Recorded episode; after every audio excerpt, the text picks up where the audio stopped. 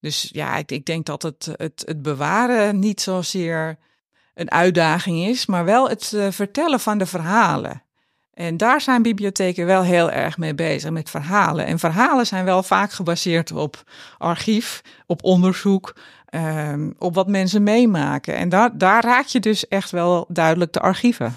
Podcast De Biep is Meer gaat op zoek naar de toekomst van openbare bibliotheken en hoe zij bijdragen aan de maatschappelijke uitdagingen van deze tijd. Met nieuws uit de sector, spraakmakende gasten en verrassende thema's word je meegenomen in de wereld van leesbevordering, digitaal burgerschap en participatie. De Biep is Meer is een initiatief van Matt Gubbels die jou wil informeren en inspireren. Hij gelooft in de kracht van podcasting en het verhaal van de bibliotheek. Welkom bij podcast De Biep is meer. Eindelijk is het zover, want ruim een jaar geleden was ik te gast in een andere podcast, Wat de Biep, van de Bibliotheek Waterland. En hier is ze dan eindelijk, Sylvia Bakker. Dag Sylvia. Hallo Matt, goedemorgen en uh, leuk dat ik hier mag zijn. Ja, heel leuk om jou nu eindelijk ook uh, live te spreken. We kwamen elkaar een paar weken geleden toevallig in Den Haag tegen. Klopt. Ik had een bedrijfsuitje. Jij was op weg naar een andere meeting. Naar een uh, borrel inderdaad, naar een afscheid. Dus ja, allebei werkgerelateerd. Nou, we gaan vandaag met elkaar verkennen hoe het op het gebied van archieven, want dat is toch jouw uh, belangrijkste werkzaamheid. Maar eerst even over jou. Wie ben jij? Even voor de luisteraars. En wat mogen al die mensen van jou weten? Wat mogen al die mensen van mij weten? Wie ben ik? Nou, ik ben uh, ja, Sylvia Bakker-Kempen. Uh, dat mijn achternaam zet ik eigenlijk altijd uh, bij mijn aankondiging. En dat heeft te maken met uh, mijn vader, die twaalf jaar geleden is overleden. En de familienaam die eigenlijk niet wordt doorgegeven omdat ik geen jongen ben. Uh, dat klinkt misschien wat, ja, wat overdreven. Maar ja, ik vind dat toch wel belangrijk dat ja, mijn vader heel veel dingen niet meer meemaakt, kan maken. Omdat hij er gewoonweg niet meer is. En ja, door het gebruik van zijn achternaam heb ik altijd het idee dat hij er een beetje bij is. En uh, nou ja, ik ben dus opgegroeid in een ondernemersgezin. En uh, mijn, uh, mijn vader had een bedrijf in Aalsmeer. Daar ben ik geboren en opgegroeid. vlak bij de bloemenveiling en Schiphol, zeg ik altijd. En nou ja, de liefde heeft me naar Landsmeer geleid. Ontmoet op een avondschool en in Landsmeer kwam ik te werken voor de burgemeester en wethouders. Nadat ik eerst jaren voor uh, Microsoft had gewerkt in Hoofddorp. En daar heb ik het, ja, gaandeweg ben ik daar terechtgekomen op de afdeling documentaire informatievoorziening. Na acht, negen jaar heb opleidingen gedaan en ben in de archieven beland. Zo, zo benoem ik dat wel, want ja, en ik uh, heb jaren dan voor dat openbaar bestuur gewerkt, voor, uh, maar ik noem het al, burgemeester, wethouders en ook de gemeenteraad. Uh, in 2002 is de wet dualisering gemeentebestuur in werking getreden, waardoor nou ja, de voorbereiding van de gemeenteraadsvergaderingen door de Griffie werd gedaan en de taken bij ons op het bestuurssecretariaat weg zijn gevallen. En daardoor ben ik dus andere dingen in de organisatie gaan doen, waaronder dus die afdeling documentaire informatievoorziening. Ik zeg altijd van nou, het werd soms een beetje gezien als een soort degradatie. Ik ging de post- en archiefzaken doen. En uh, door eigenlijk al die jaren in de klei, zeg ik altijd, het vormen van dossiertjes, de postregistratie, heb ik daar wel een hele mooie basis gelegd voor ja, mijn huidige werkzaamheden. Ik heb de hele organisatie heel goed leren kennen. Dat deed ik al vanuit het openbaar bestuur, het voorbereiden van al die ja, dossiers, of in ieder geval die agendapunten, zowel voor burgemeester, wethouder. Ik beheerde de, alle agenda's, dus ik wist ook wel welke afspraken de burgemeesters had, hoe dat zat in de regio en ook landelijk, nationaal. En als je dat dan later ook ja, in de dossiers terugziet en in de, in de post, dan, dan, weet je gewoon precies wat er in de organisatie gebeurt op het uh, hoogste en laagste niveau. En bij het schrijven van een archiefinventaris, waar ik inmiddels voor was uh, gevraagd door ook de provinciale archiefinspectie ja, moest ik ongeveer 2.000, 3.000 dossiers terugbrengen. 80 meter archief naar een, uh, een logische inventaris. Dus dat heb ik uh, ja, geïnventariseerd en beschreven. En, uh, en toen had ik eigenlijk pas na ongeveer 14, 15 jaar voor die organisatie te hebben gewerkt. Van, en nu snap ik het eigenlijk allemaal. Ja, dat vond ik toch wel heel bijzonder. Ja, ingewikkelde materie. We komen er zo op terug, hè, het uh, beroep van archivaris. Want uh, je bent als archivaris ook nog ja, werkzaam in een hele bijzondere organisatie. Komen we zo op. Maar even een archivaris. Uh, die verzamelt van alles en nog wat. Ik ben ook een verzamelaar. Ik had zomaar ook archivaris kunnen worden. Wat verzamel jij zoal in jouw persoonlijk leven? Wat verzamel ik in mijn persoonlijke leven? Uh, nou, ik noemde het eigenlijk al. Mijn, uh, mijn, uh, mijn vader is vrij vroeg, tenminste vroeg overleden aan de ziekte ALS, begin 70.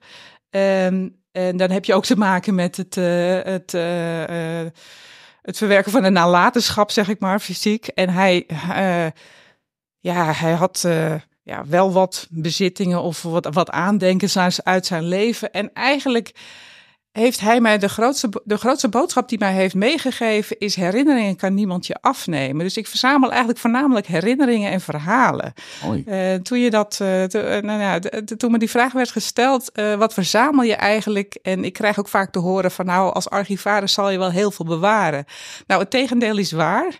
Ik bewaar he, heel weinig. Nou, zegt iedereen uh, zeggen mensen vaak van nou, jij zal wel een hele grote kledingkast hebben, want je... Want, want zo ken ik jou ook van LinkedIn. want ik heb inderdaad in het verleden, tijdens de eerste lockdown, uh, uh, tijdens de pandemie, heb, heb ik een, een, een jurkjeserie gemaakt. En um, dat was eigenlijk met kleding, jurkjes en rokjes die ik heb verzameld tijdens mijn reizen.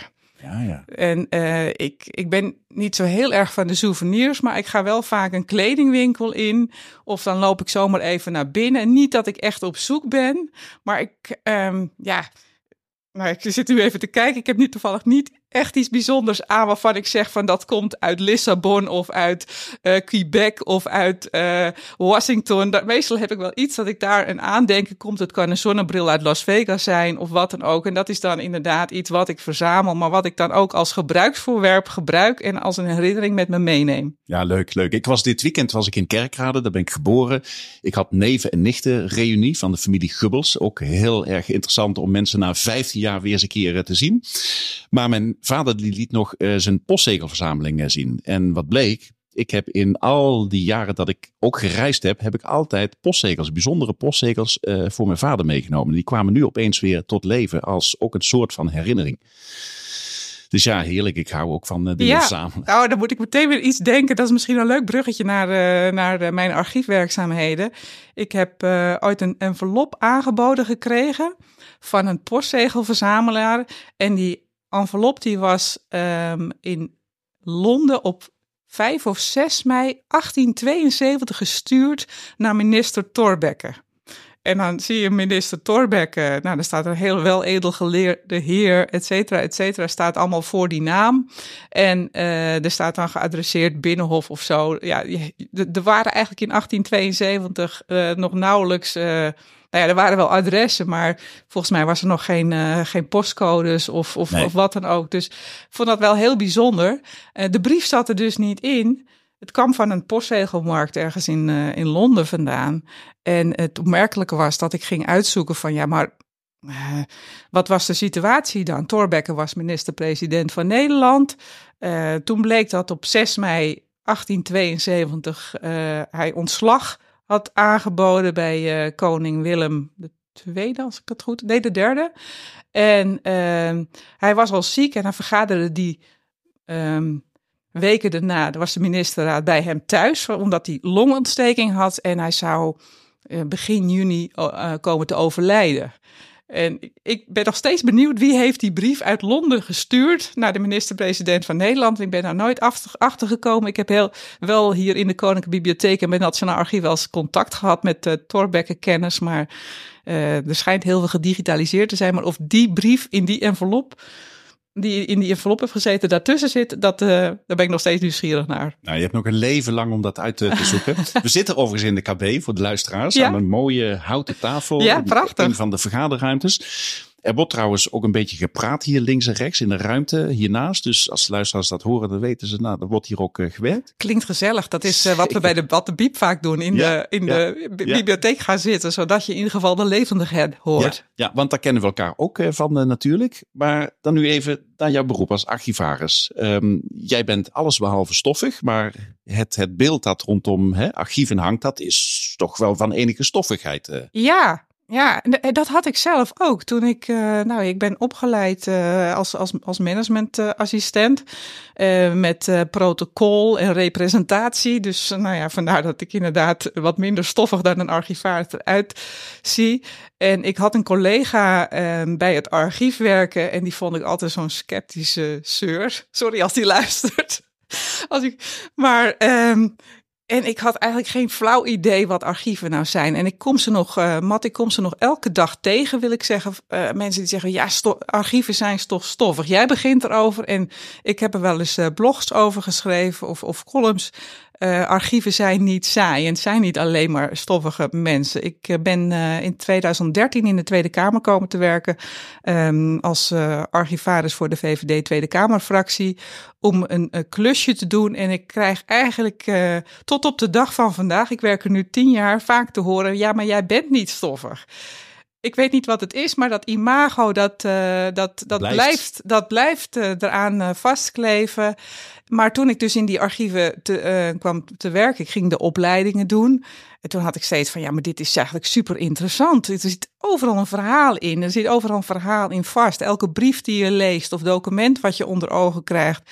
Uh, en toen hoorde ik over documentanalyse en waar gaat het over? Er zit altijd een heel verhaal achter één document en dat is niet stoffig. En ik uh, doe wel eens onderzoek in de inzageruimte in het Nationaal Archief hier uh, vlakbij. En uh, dan moet ik, uh, dan krijg ik altijd zo'n uh, strenge blik van de, van de toezichthouders, wil ik wel zeggen, van de bibliotheek, van de archiefzaal. En die zegt dan, die, die, van niet te hard, niet te hard, want dan zit ik weer te schateren om iets wat ja, ik lees ja, uit het verleden. Ja, ik, het, het is niet stoffig. Ik heb zelf dat beeld ook gehad, maar dat had vooral te maken dat ik gewoon niet wist wat dat was. Ja. Ja. Wat het is. Ja, nou je noemde het al, hè? je bent uh, archivaris bij de VVD, Tweede Kamerfractie. Dat vind ik al heel erg spannend. Want in het nieuws is natuurlijk een aantal jaren geleden hè, het hele verhaal rondom de sms'jes van Rutte op zijn Nokia geweest. Maar wat moet ik me voorstellen bij het archiveren voor een uh, politieke partij? Wat ik heb geleerd in archieven is, uh, je moet altijd gaan kijken wie is de archiefvormer. En een Tweede Kamerfractie die bereidt debatten voor, voor wat er in de Tweede Kamer gebeurt. En, daar, daar focus ik me op. Wat, wat, wat, wat, wat zijn de standpunten? Wat wordt er besproken? Wat zijn de vergaderingen? En, uh, maar eigenlijk breder ook gezien andere organisaties. Mensen, uh, heel veel mensen begrijpen niet het verschil tussen documentatie, archief en wie de archiefvormer is. Um, de, de Tweede Kamer is verantwoordelijk voor alles wat in die Tweede Kamer gebeurt. Alle commissievergaderingen, plenaire vergaderingen, alle organisaties. Dus daar hou ik me absoluut niet mee bezig. Um, ik probeer dat beeld eigenlijk voornamelijk uit te leggen van ja, wat, wat, wat, wat is welke organisatie? Ik werk ook voor, uh, voor de partij. En uh, ja, de partij, uh, ja, dat is de vereniging die in contact staat met al die kleine regionale ja, afdelingen. Het zijn tegenwoordig regionale netwerken, maar heel veel mensen willen ze graag nog afdelingen noemen. De VVD bestaat dit jaar 75 jaar. Dus uh, sinds 1948 uh, zijn waren er in het land op het hoogtepunt volgens mij iets van 900 VVD-afdelingen. Dat is, uh, dat is behoorlijk veel. Uh, daar staat de vereniging mee in contact, maar ze zijn dus ook verantwoordelijk voor de kandidatenlijsten, zoals nu met de verkiezingen op 22 november. Het verkiezingsprogramma, de lijsttrekker die, die wordt gekozen en voorgesteld en de communicatie met de achterban. En daar probeer ik, zeg maar, um, um, ja, data van te bewaren. Ik zeg bewust ook data, want heel veel is digitaal geworden. Dus ja, ik zeg altijd, ik zeg altijd, ja, wat doe je als archivaris? Als ik het plat sla en simpel wil uitleggen, zeg ik van ja, je hebt je juridische bewaarplicht, je hebt je fiscale bewaarplicht en je moet dan allemaal stukken zeven jaar uh, tot tien jaar bewaren. En uh, ik vind het daarna pas interessant. Van uh, ja, we spraken in uh, archieven altijd in de dynamische, semi-statische, statische fase. We hebben dat eigenlijk zijn dat een beetje uit het oog verloren. Um, want ja, eigenlijk na tien jaar ga je pas kijken van ja, wat is er in de afgelopen periode gebeurd? Uh, hoe kunnen we reconstrueren wat voor de toekomst van belang is? Ja, dan hebben we het dus echt over het historisch perspectief op het uh, archiveren. Ja, ja, ja. En hoe maak je dan keuzes van wat bewaar je wel en wat bewaar je nou, Um, elke organisatie en in Nederland uh, zijn er selectielijsten, selectie- en waarderingslijsten. Die zijn nou ja, getoetst die zijn echt met uh, veel kennis en kunde tot stand gekomen. En uh, daar zijn afspraken over gemaakt. Organisaties waar ik voor werk, die vallen in principe niet onder de archiefwet. Dus ja, ik, ik doe ook heel veel uit, uit, uit, uit ervaring op basis van die archieflijsten zoals ik dat heb aangeleerd. Je weet op een gegeven moment wel wat belangrijk is. Ja, ja ik zeg dat het gaat om het reconstrueren in de, in, in de toekomst. En uh, ja, mensen denken dan altijd besluitenlijsten zijn saai of bepaalde documenten zijn saai. Of correspondentie en, en, en uh, um, ik, ik vind ook oprecht is door de digitalisering, we noemen het wel eens nu de black, uh, black AIDS, dat, dat we heel veel data gaan, uh, gaan missen. Daar geloof ik ook, uh, daar, ja, daar ben ik ook wel van overtuigd. Ik merk nu ook al dat er data wordt gemist tussen 2000 en 2010, 2015. Die ontwikkelingen zijn zo enorm snel gegaan.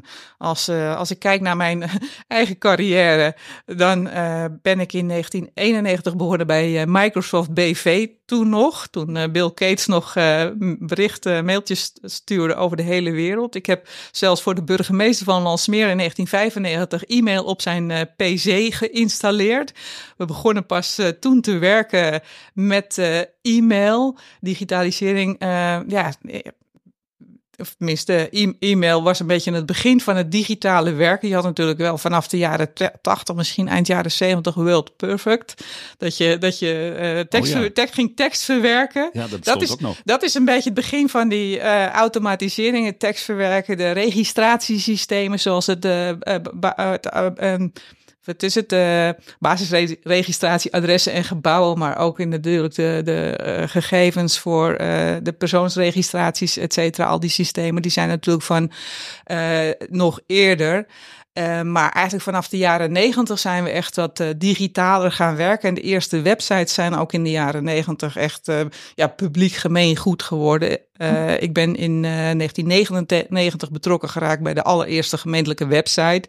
Um, daar deed ik ook de contentbeheer voor. Dat was een, een, ja, je bent jong, dus je pakt van alles op in zo'n kleine gemeente. Dat, dat vond ik ongelooflijk leuk om te doen. Ook betrokkenheid bij, bij de jaarlijkse begroting en voorjaarsnota. En uh, ja, daarna zijn eigenlijk, uh, ja, is het mobiele telefoonverkeer gekomen, zijn we gaan sms'en. En uh, ik ben betrokken geraakt bij uh, politieke organisatie, dus eerst lokaal in een uh, bestuur gezeten. En ik weet, ja, we mailden, we begonnen een beetje met sms'en, maar de sociale media kwam eigenlijk pas in 2006 op. En toen zijn, is dat ook een rol gaan spelen in de campagnes. En ik zeg wel eens, en volgens mij wordt dat wel eens vergeten, in 2010 toen uh, um, de VVD de grootste werd uh, bij de Tweede Kamerverkiezingen.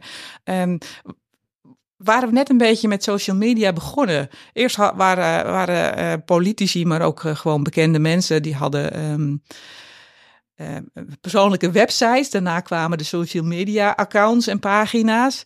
En vanaf 2010 ik geloof dat de iPhone van, uh, van 2008 is of 2007. En dat, dat, dat ging dan langzaam, want iedereen had wel een, een, een Samsung of noem, noem, noem al die merken maar, uh, die Aziatische merken maar op. En toen kwam die iPhone en die, um, um, die smartphone dat je opeens foto's kon gaan maken en allerlei apps kreeg en zo. En dat is eigenlijk, nou, dat doen we nog niet. Dat is er nog geen 15 jaar. Als, nee. je, als, je, als, als je ziet een 15-jarige die daarmee is opgegroeid. Um, ja, we hebben allebei uh, kinderen, een jongen en een meisje. Die van mij zijn ietsje ouder. Die, die hadden op de ba basisschool hadden die een mobiele telefoon om te bellen, eigenlijk in de bovenbouw. En die hebben dat eigenlijk nog niet meegemaakt. Maar kinderen van nu worden ermee opgevoed. En uh, ja, ik vind dat wel een hele snelle ontwikkeling. En om weer terug te komen naar die, naar die archieven, heeft dat een behoorlijke invloed op die archieven. Precies, want de scope van archiveren wordt eigenlijk alleen maar breder. Hè? Want je kunt ook podcasten, YouTube-filmpjes, je kunt het allemaal archiveren. En dat doet het uh, Instituut voor Beeld en Geluid ook. Hè? Ja. Die, uh, ja. die archiveert podcasts. Dat zullen wel de podcasts zijn die uh, um, van, van, de, van de publieke, denk ik. Of de grote podcast. Ik bedoel, de VPRO heeft natuurlijk, wat is het? Europa draait door met Tim de Wit en Arend Jan Boekenstein. En de Boekenstein en de Wijk van Business News Radio. Dus die podcasts worden volgens mij door Beeld en Geluid allemaal ja. nu ook wel gearchiveerd. Ja, nou, ik ga binnenkort naar Beeld en Geluid. Want ik zei het al, ik was op die neven-nichten reunie. En mijn nicht Els, die heeft vroeger ooit in Stuyverzin heeft ze opgetreden. Ja, wat leuk! en die beelden die zijn natuurlijk uh, kwijt. Hè? Want videorecorders was toen nog niet uh, helemaal in. Nou zijn wij allebei 50-plussers, Map. En dan zeg je nou, Stuyverzin. Maar ik weet niet, ik hoop dat je met, uh, met de Biep is meer ook een jonger publiek wil aanspreken. En die weten vast niet wat Stuyverzin is. Nou, die zijn er zeker. Die zijn er zeker. Oh. jonge bibliothecarissen die zich helemaal ophangen aan deze podcast. Omdat ze nieuw in de sector zijn en op deze manier een beetje een beeld maar krijgen. Maar wat was Stuyverzin nou? Ja, Stuyverzin was gewoon een programma met uh, een Ria Bremer. Ken, ja, ken Ria, ja. ja. En, uh, en uh, ja, die nodigde allerlei ja, groepen mensen uit. Die, die kwamen liedjes zingen, orkesten die speelden, leuke trucjes ja, die kon doen. Volgens mij was dat op woensdagmiddag, want je had nog niet zoveel televisie. Nee, ja, nee, volgens mij was was vast op zaterdagmiddag. Op zaterdag, oké. Okay. Ja. Zou best kunnen, ja. Maar goed, dat was in de tijd dat we nog maar twee zenders hadden in Nederland. Even voor de jongere generatie. Ja. ja. Nee, ja. maar dat, over archieven gesproken. Dus we denken heel vaak aan documenten, data, correspondentie, saaiers. Maar dat is ook archief. Want ik kom graag in het Instituut voor ja. Beeld en Geluid. Want ze bewaren daar alle zendtijd voor politieke partijen. Filmpjes voor uh, de partij waarvoor okay. ik dus werk. Ja. Dus ik heb regelmatig contact ook met andere opnamen die er zijn geweest. Radio-opnamen, radiospotjes uh, worden ook uh, daar bewaard. Dus ook dat is archief. En uh, dan zie je dan inderdaad in een persoonlijk leven, om iets te kunnen reconstrueren, zijn foto's, uh, ook bij het Nationaal Archief. Dat is heel lang niet echt onderdeel van het Nationaal Archief geweest, maar sinds een jaar of twintig wel. Dus uh, ja, audiovisuele data en, en, en, beeldmateriaal is natuurlijk geweldig, ja, ook als archief. Ja, Hey, we hebben het over die, die brede scope van archiveren, die brede scope van, van uh, ja, dingen bewaren. Waarom is het belangrijk om dingen te bewaren, Sylvia? Om dingen te kunnen reconstrueren. En dat klinkt heel erg beleidsmakig en, en, en, en, en naar. En ik wil eigenlijk een voorbeeld gebruiken. Dat is het Centraal Archief Bijzondere Rechtspleging. Dat klinkt ook weer zo uh, ja, zo'n vakterm. Maar het Centraal Archief Bijzondere Rechtspleging, dat zijn alle mensen die um, ja, beoogd fout waren in de Tweede Wereldoorlog. Dus uh, aangemerkt als uh, nou potentieel fout. Er zijn echt. ik geloof iets van twee, nou, ik heb de gegevens hier niet bij één, maar um, 200.000 dossiers gevormd, iets van mm -hmm. 3,8 kilometer archief. En van uh, al die mensen zijn dossiertjes gevormd en dat kan, een, uh, dat kan een aantekening zijn van wat ze hebben gedaan. En dan denk je, ja, waarom is dat bewaard? En er wordt in Nederland, uh, wordt daar altijd, werd daar altijd heel krampachtig over gedaan. Ik wist tot 2014 niet dat het bestond. En, um, maar omdat ik uh, soms betrokken ben bij een uh, biografie of een biografische schets van een bekende politicus, um, werd, werd ik daarop geattendeerd en ben ik me daar wat in gaan verdiepen. En um, ja, blijkt dat uh, archief toch heel veel emoties op te roepen bij, bij nabestaanden. Ik geloof zelfs dat uh, nou, bijna iedereen in Nederland, heel veel mensen in Nederland, die, die hebben wel een familielid waarvan een dossier zou uh, ja, zijn in dat archief. En dat archief is uh, eigenlijk uh, altijd gesloten geweest. Het wordt in 2025 openbaar. En er is een project wat al een hele tijd loopt, of een aantal jaren loopt, om dat openbaar te maken, maar ook digitaal doorzoekbaar openbaar. En ik was daar vorige week uh, bij een bijeenkomst in uh, de Rode Hoed in Amsterdam. Uh, in voorbereiding op, we zijn nu nog een jaar bezig. Er zijn honderd mensen aan het werk, vooral ook autistische mensen, die scan voor scan echt alle documenten uit die dossiers aan het digitaliseren zijn. Dat is uh, ja, super interessant. En dan zeg je, waarom bewaar je dat? En waarom doe je dat? En er zat ook, uh, ik ben bij eerdere bijeenkomsten geweest. En er zaten ook ethische hoogleraren toen in, in de zaal. Ad van Liemt, die gaf toen een hele interessante presentatie. En het gaat eigenlijk voornamelijk over het begrijpen en het verwerken van onze geschiedenis. Er zat ook een traumapsycholoog. Ik wist niet eens dat, je een trauma, dat er een traumapsycholoog bestond die ook um, uh, over generatietrauma's gaat. Dat er ja, heel vaak niet gesproken is, omdat mensen dus heel lang rondlopen met het gevoel van ja, ik heb iets gedaan wat niet goed is geweest. Ik wil er niet over praten.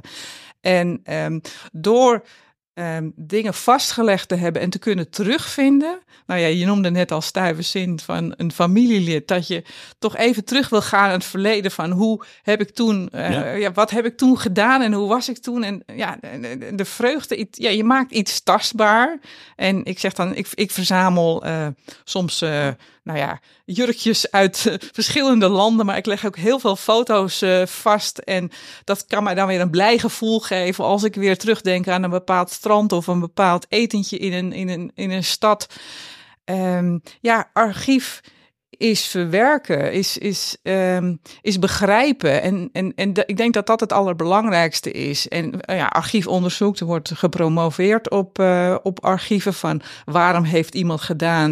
Uh, maar wat is dan ook het, het tijdsbeeld en het tijdsbesef? Je moet het ook in een bepaalde context plaatsen. En dat vond ik vorige week in de Rode Hoed wel heel erg interessant.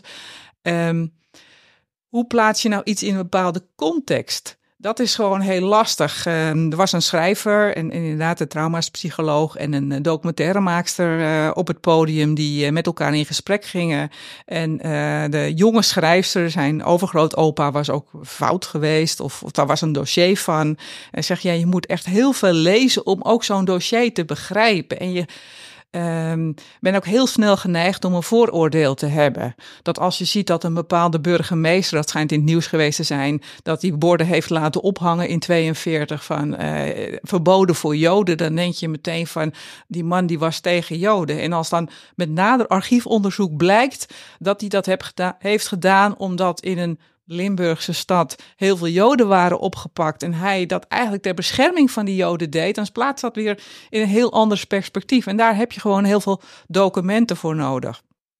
Dus dat, uh, dat is de reden waarvoor we bewaren. Ja, nee, maar mooi om op die manier ook naar ja, archieven te kijken.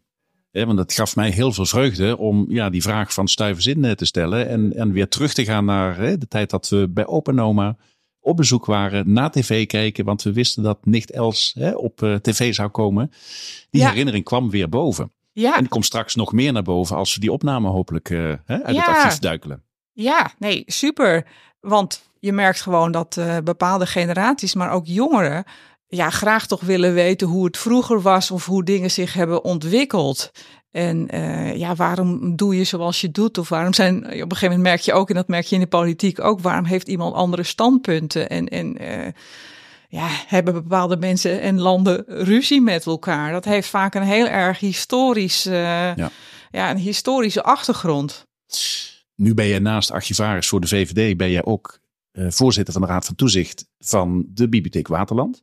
Um, we komen even op hè, het raakvlak van archieven en bibliotheken. In het verleden bewaarden bibliotheken nog wel eens van alles, althans openbare bibliotheken. Tegenwoordig denk ik steeds minder. Nou, dat denk ik niet. Ik hou me daar niet zo bezig met het, uh, met het dagelijkse proces. En wat er precies allemaal in die bibliotheek gebeurt. Ik sta wel als toezichthouder op, uh, op afstand. Maar ik denk dat iedere bibliotheek wel een, uh, een plek heeft waar ze best wel wat van het verleden ook bewaren. En oude boeken. Dat was wel grappig. Want we werden in een van de laatste vergaderingen meegenomen in een bibliotheek dashboard. En ik zat daar wat in te studeren. En ik zag dat er boeken aanwezig zijn die uh, de bibliotheek al meer dan 37 jaar in huis heeft. En uh, ja, dat blijken dan bepaalde titels te zijn die niet veel worden uitgeleend. Um, maar daar wordt wel reken degelijk rekening mee gehouden. Uh, Bibliotheek Waterland, waar ik dus uh, in de Raad van Toezicht zit, die zit in hetzelfde gebouw als uh, het Waterlands Archief.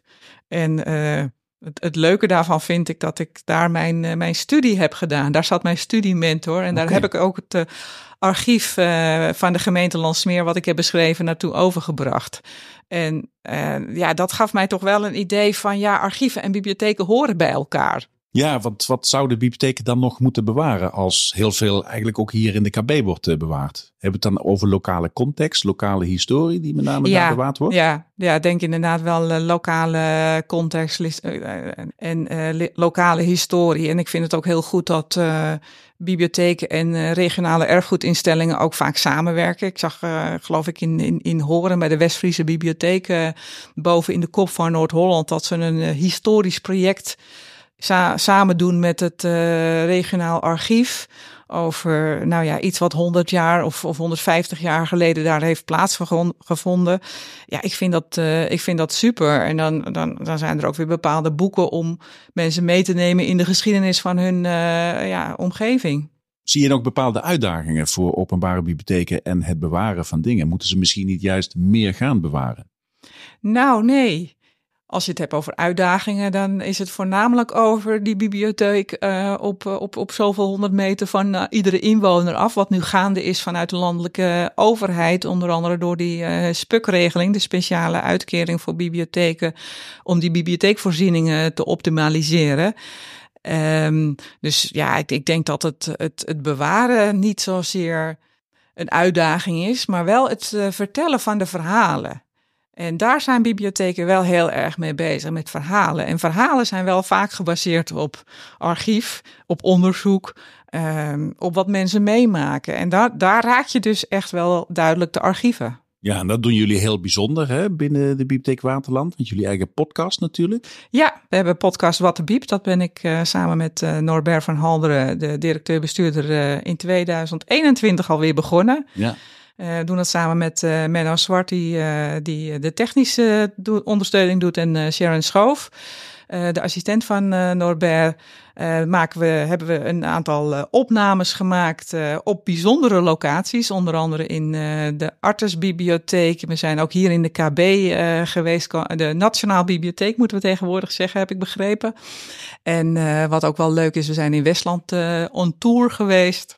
Ja, maar daar noteren jullie dus ook verhalen, hè, in feite? In feite noteren wij uh, ook verhalen, dat klopt. En het leuke van podcast is, nou dat weten we natuurlijk met, wat de, uh, met de, de Bibis meer ook, je uh, draagt volgens mij bij aan het plezier van lezen van de bibliotheek, wat er allemaal gebeurt. Ja. En je legt inderdaad vast wat er, waar, waar we mee bezig zijn samenwerking tussen bibliotheken en archieven. Is dat ook een item waarvan je zegt, nou, daar, daar, daar mag best wel wat meer nog uh, gebeuren? Ja, er mag wel weer meer gebeuren. En dat heeft, uh, wil ik dat vertellen vanuit mijn persoonlijke ervaring. Zoals, uh, zoals jij dat net ook zei, van archieven zijn toch stoffig. Een archivaris is toch stoffig. En um, dat beeld van een bibliotheek, van de bibliothecaris, is er ook nog wel steeds. Van dat uitlenen van een, uh, van een boek. En dat was ook de reden dat uh, Norbert en ik uh, hebben gezegd van ja, ja, we moeten. De bibliotheek bruist en er gebeurt zo ontzettend veel met taalkursussen, met ouderen, met het digitale informatiepunt, of informatiepunt digitale overheid, moet ik nu zeggen, moet ik zeggen, IDO. En nou ja, je ziet het hier met die vluchtelingenproblematiek, met die Oekraïners, dat er dan ook weer allerlei bijzondere mensen uh, over de vloer komen, omdat die bibliotheek die maatschappelijke organisatie is en heel veel vragen en mensen kan opvangen. Dus de samenwerking eh, heeft, zit dan voornamelijk op, op nou ja, die verhalen en dat historisch besef. En wij hebben het uh, hier samen al eerder over gehad. Ik heb wat onderzoek gedaan, omdat ik wist dat er uh, ooit een uh, potentiële samenwerking zou zijn tussen de Koninklijke Bibliotheek en de Nationale Bibliotheek en het Nationaal Archief. Want als ik in het buitenland ben, een paar jaar geleden was ik in, in Canada. Volgens mij liep ik in uh, Montreal uh, rond of zo. En dan, dan zie je, dan loop ik altijd, ga ik kijken van is er een bijzonder archief of een bijzondere bibliotheek. En daar wil ik graag in het buitenland even naartoe. Vaak historische bibliotheken vind ik geweldig, maar ook gewone archiefinstellingen. En dan zie je heel vaak dat die ook samengevoegd zijn in het buitenland. Als, als één stelling, instelling zich presenteren. En hier in Den Haag zien we het, je, je, je, je kan binnen doorlopen van het Nationaal Archief naar de Koninklijke Bibliotheek. Maar daar houdt het volgens mij nog steeds een beetje bij op. En um, Twaalf jaar geleden ongeveer um, heeft de staatssecretaris voorgesteld uh, een fusie tussen de, de, de Koninklijke Bibliotheek en het Nationaal Archief. En, en dat is uh, binnen twee jaar is dat afgeketst. En um, ik heb nog even na zitten lezen van het weekend. En volgens mij kwam dat voornamelijk door die snelle digitale ontwikkelingen. De uitdagingen waar het Nationaal Archief uh, toen mee stond. En eigenlijk volgens mij nog steeds mee staat. Uh, dat zijn die, uh, die snelle dig ehm, digitale ontwikkelingen. En de Koninklijke Bibliotheek heeft, heeft zelfs een uitdaging om, om ook veel meer naar die publieksfunctie toe te gaan. En ik denk juist dat dat elkaar kan versterken. Ik was vorige maand met uh, de Koninklijke Verenigingen Archivarissen van Nederland. Ik zeg altijd Nederlandse archivarissen. Die gaan eens in een paar jaar op studiereis naar het buitenland. En wij waren in uh, Florence. En daar hebben we het uh, Europees Interuniversitair Instituut bezocht. Die de archieven van het, het Europees Parlement bewaart. En we zijn daar naar het Staatsarchief geweest. En naar het de Medici Archive Project. En dan heb je het over miljoenen correspondentie uit de 16e eeuw. Wauw. En dat was, ja, dat was echt wauw. We hebben dat voornamelijk gezien op foto's. Maar de directeur van het project, die, die, we zaten in een, in, in, een, in een ruimte en hij had dia's en hij vertelde zo bevlogen over dat project. En waarom wil ik dit vertellen? Omdat hij zei van, ja, hoe ga je nou een Um, zoveel correspondentie. Het is echt, het, het, het zit allemaal in perkament en, en, en die omslagen. Het ziet er echt fantastisch uit. Hoe ga je dat nou digitaliseren? En hij zei van ja, de kracht van dat project. Eh, er zijn ook wat Amerikaanse filantropen die daar enorm veel geld voor hebben gegeven. De kracht van het project, dat zit hem in het organische. Het, het, het steeds kijken van wat kan je meer doen. Er is niet van tevoren een, een strak beleidsplan geschreven van zoals het moet zijn. En dat heb ik gezien bij die fusie van de Nationale Bibliotheek, Koninklijke Bibliotheek, Nationaal Archief. We zijn hier in Nederland heel vaak bezig om iets heel strak in allerlei onderzoeken te gieten van waarom zou we iets wel of niet moeten doen. En dan wordt er weer een extern bureau ingeschakeld om uh, te kijken van nou wat zal de voordelen en de... Nee, de Medici Archive projecten zijn begonnen van hoe, kan je, hoe kunnen we dit gaan digitaliseren? Wat is daarvoor nodig en hoe kunnen we dat do dit doen? Ze zijn dat gaan doen. En wat blijkt, hoe gaaf het is ook met ChatGPT en, en uh, artificial intelligence, is dat je, als je het gedigitaliseerd hebt, dan kan je patronen ontdekken. Kunnen we heel veel meer mee dan. Dan kan je er heel veel meer mee doen. En het geweldige is, is dat je dan ook kan zien op het gebied van eten, uh, culinair, uh, wat ze destijds aten, aan voedingsstoffen, aan, aan kruiden, aan, aan, aan, nou ja, en, en ook aan gezondheidszorg. In de 16e, 17e eeuw, dat haal je uit correspondentie. Um, ze correspondeerden met mensen over de hele wereld. En dan denk je van, hoe deden ze dat? Want ze hadden nog helemaal geen uh, adressensystemen of, of je, je, stuurde je iets naar, uh, nou ja, eigenlijk over de hele wereld. Ook, ook uh, ja, Amerika was, was, was net ontdekt. Daar, werd, ja, daar ging gewoon post heen. Ja. En, en dat is allemaal bewaard in dat archief.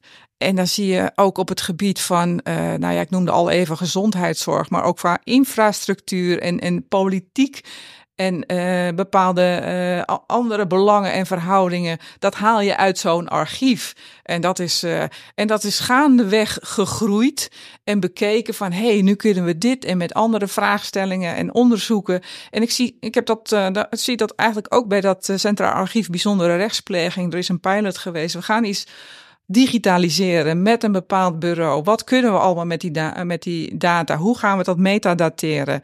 En um, ja, hoe gaan we dat verder ontsluiten, zodat de mensen het ook in de juiste context kunnen plaatsen? Ja, en dan vind ik toch dat AI en ChatGPT, hè, want je kunt tegenwoordig documenten kun je bevragen, ja. komen eigenlijk weer nieuwe, andere verhalen komen boven. Ja, ja. Want dan denk je ook, uh, nou ja, we noemen het net al een paar keer stoffig, maar dan zie je in zo'n archief.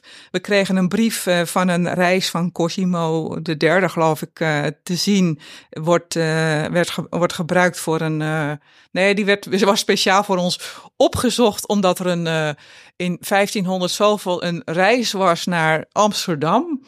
En uh, dat wilde hij incognito doen, maar hij had 64 man uh, gevolg bij zich. Moet je voorstellen, in de, in de 16e eeuw. En hij kwam terug en dan is er natuurlijk ook, ja, we hebben nu woordvoerders. En toen had je iemand bij die voor jou het verslag schreef. En die had dan uh, opgeschreven dat het eten in Amsterdam geweldig was. En toen dachten wij van, wat moeten we ons daar nou van bij voorstellen? Maar dat was, bij ons was dat uh, de Gouden Eeuw. En we hadden natuurlijk ontzettend veel kruiden wat naar Nederland kwam. Dus blijkbaar werd dat dus ook in, uh, in het eten gebruikt. En viel dat op, denk je, van een Italiaan uit Florence in de 16e eeuw. Gaat naar Amsterdam en hij merkt op dat het eten daar lekker is. Nou ja, dat, dat soort dingen haal je dan uit zo'n uh, uit zo'n brief. En dat, ga je, dat, dat, dat plaatst dingen in een, andere, ja, in een ander perspectief. Hey, even over het perspectief van het kerstfeest. Over een aantal weken is het kerst, oud en nieuw. Wat is nou een leuk archief om, om in de komende periode naartoe te gaan? Oh, het kerstfeest, jeetje. Nou, het, het gaat allemaal heel snel mat, maar uh, om naartoe te gaan als volwassene of als kind of als tiener.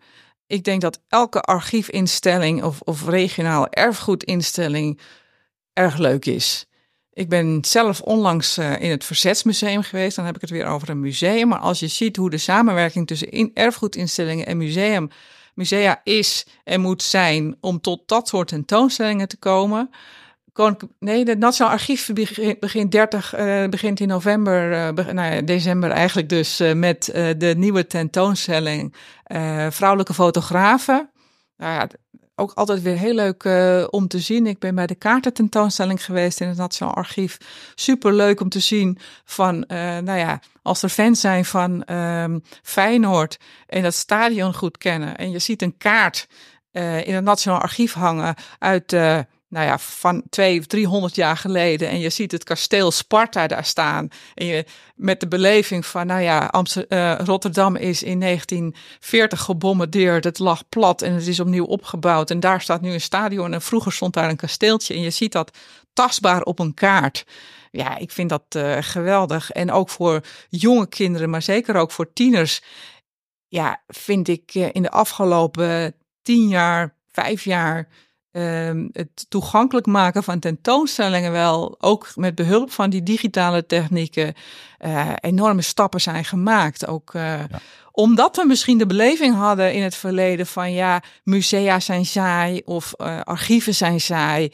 Is er enorm hard gewerkt. En ik zie ook een hele nieuwe generatie jonge mensen op gaan staan die de verhalen op een veel um, levendige manier uh, gaan vertellen. Ik mag uh, binnenkort uh, in het Maritiem Museum Rotterdam een bijdrage leveren voor een nieuwe tentoonstelling. Tenminste, dat is een dag, want er is een nieuwe tentoonstelling geopend. Verankerd, verankerd. Die ten, nieuwe tentoonstelling in het Maritiem Museum Rotterdam, dat heet Verankerd. En dat gaat om de verhalen van de immigranten. En uh, ik ben in contact met iemand die uh, in uh, 1975 vanuit Suriname naar Nederland is gekomen. En het Maritiem Museum die kijkt dan natuurlijk voornamelijk naar de mensen die op, het, op een schip naar Nederland zijn gekomen in het verleden. En ze hebben daar die tentoonstelling opgehangen aan de verhalen van de mensen. Dus waar musea of erfgoedinstellingen voor, vaak gericht waren op het laten zien, is het nu voornamelijk het, het, het, laten, het, betrekken van mensen in een tentoonstelling. De verhalen ophalen, mensen, ja, vanuit de mensen het verhaal vertellen in plaats van het tentoonstellen. Ik zie dat in heel veel erfgoedinstellingen en musea in de afgelopen jaren uh, ja, uh, ja, veel levendiger zijn geworden. Nou goed, Museum Beeld en Geluid is natuurlijk het grote voorbeeld ja. daarvan. Ja. Wist je trouwens dat Museum Beeld en Geluid ook een vestiging in Den Haag heeft? Ja, daar ben ik geweest. Daar heb ik zelfs met uh, Eppo van Nispen tot Zevenaar, de directeur, een uur ja. lang gesproken over het mooie archiefvak. Ja, nou hij staat bij mij op de bucketlist voor de kerstvakantie. Dus als oh. dat toch een leuke... oh, dan ben ik jaloers. Matt, ik wil daar graag bij aanschuiven. Het is echt uh, ja, heerlijk. Het heeft ja, toch met name journalistieke inslag, hè? Die, uh, die vestiging van Beeld en Geluid. Ja, zeker. zeker. Ik vind het ook echt. Ik weet niet of daar heel veel bezoekers komen, maar ik word daar. Ik ben daar een paar keer geweest en een keer een lang gesprek gehad met uh, met Eppo dus. En uh, ja, ik word daar heel blij. Nou ja, van Eppo word je. Tuurlijk, wat hou je altijd blij van? zo, zo blij van. Hij, uh, hij, we hadden ook de, archie, de archiefdagen dit jaar in beeld en geluid en daar opende hij met een keynote in zijn stof, in zijn stofjas, om inderdaad die metafoor te maken van dat stoffige archief. En hij opende met: um, ik heb aan ChatGPT gevraagd van waar moet ik mijn lezing over houden? En hij had beetje als, als Gebbetje uh, zijn eigen naam heel vaak in, in zijn toespraak zitten. dat was wel heel uh, geestig. Maar uh, ja, beeld en geluid Den Haag is sowieso wel een aanrader om naartoe te gaan. Nou, bij deze, bij deze. Ik laat je weten wat ik ervan ja. vond. Um, heb je nog laatste gedachten, boodschappen die je aan de luisteraar wil meegeven? Nou ja, ga vooral naar archieven en uh, kom, uh, kom in gesprek. En wat vinden jullie van de combinatie bibliotheken en archieven?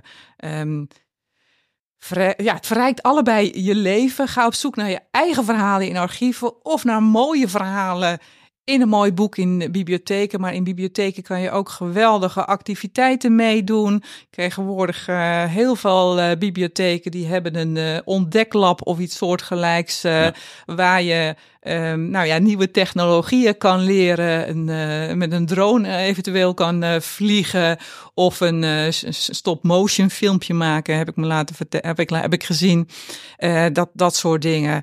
Dus ja, ik ga ook heel graag in gesprek met mensen die, uh, ja, waarvan hun leven door een bibliotheek of door een archief is veranderd. Dat ja. uh, is eigenlijk niet zozeer dat ik dat mee wil geven, maar ook graag terug wil krijgen. Ja, nou leuk dat jij zo enthousiast kunt uh, spreken over archieven. Het heeft het voor mij weer wat tastbaarder gemaakt. Ik hoop voor de luisteraar ook. Ja, en ik heb gesproken met de minst stoffige archivaris van Nederland.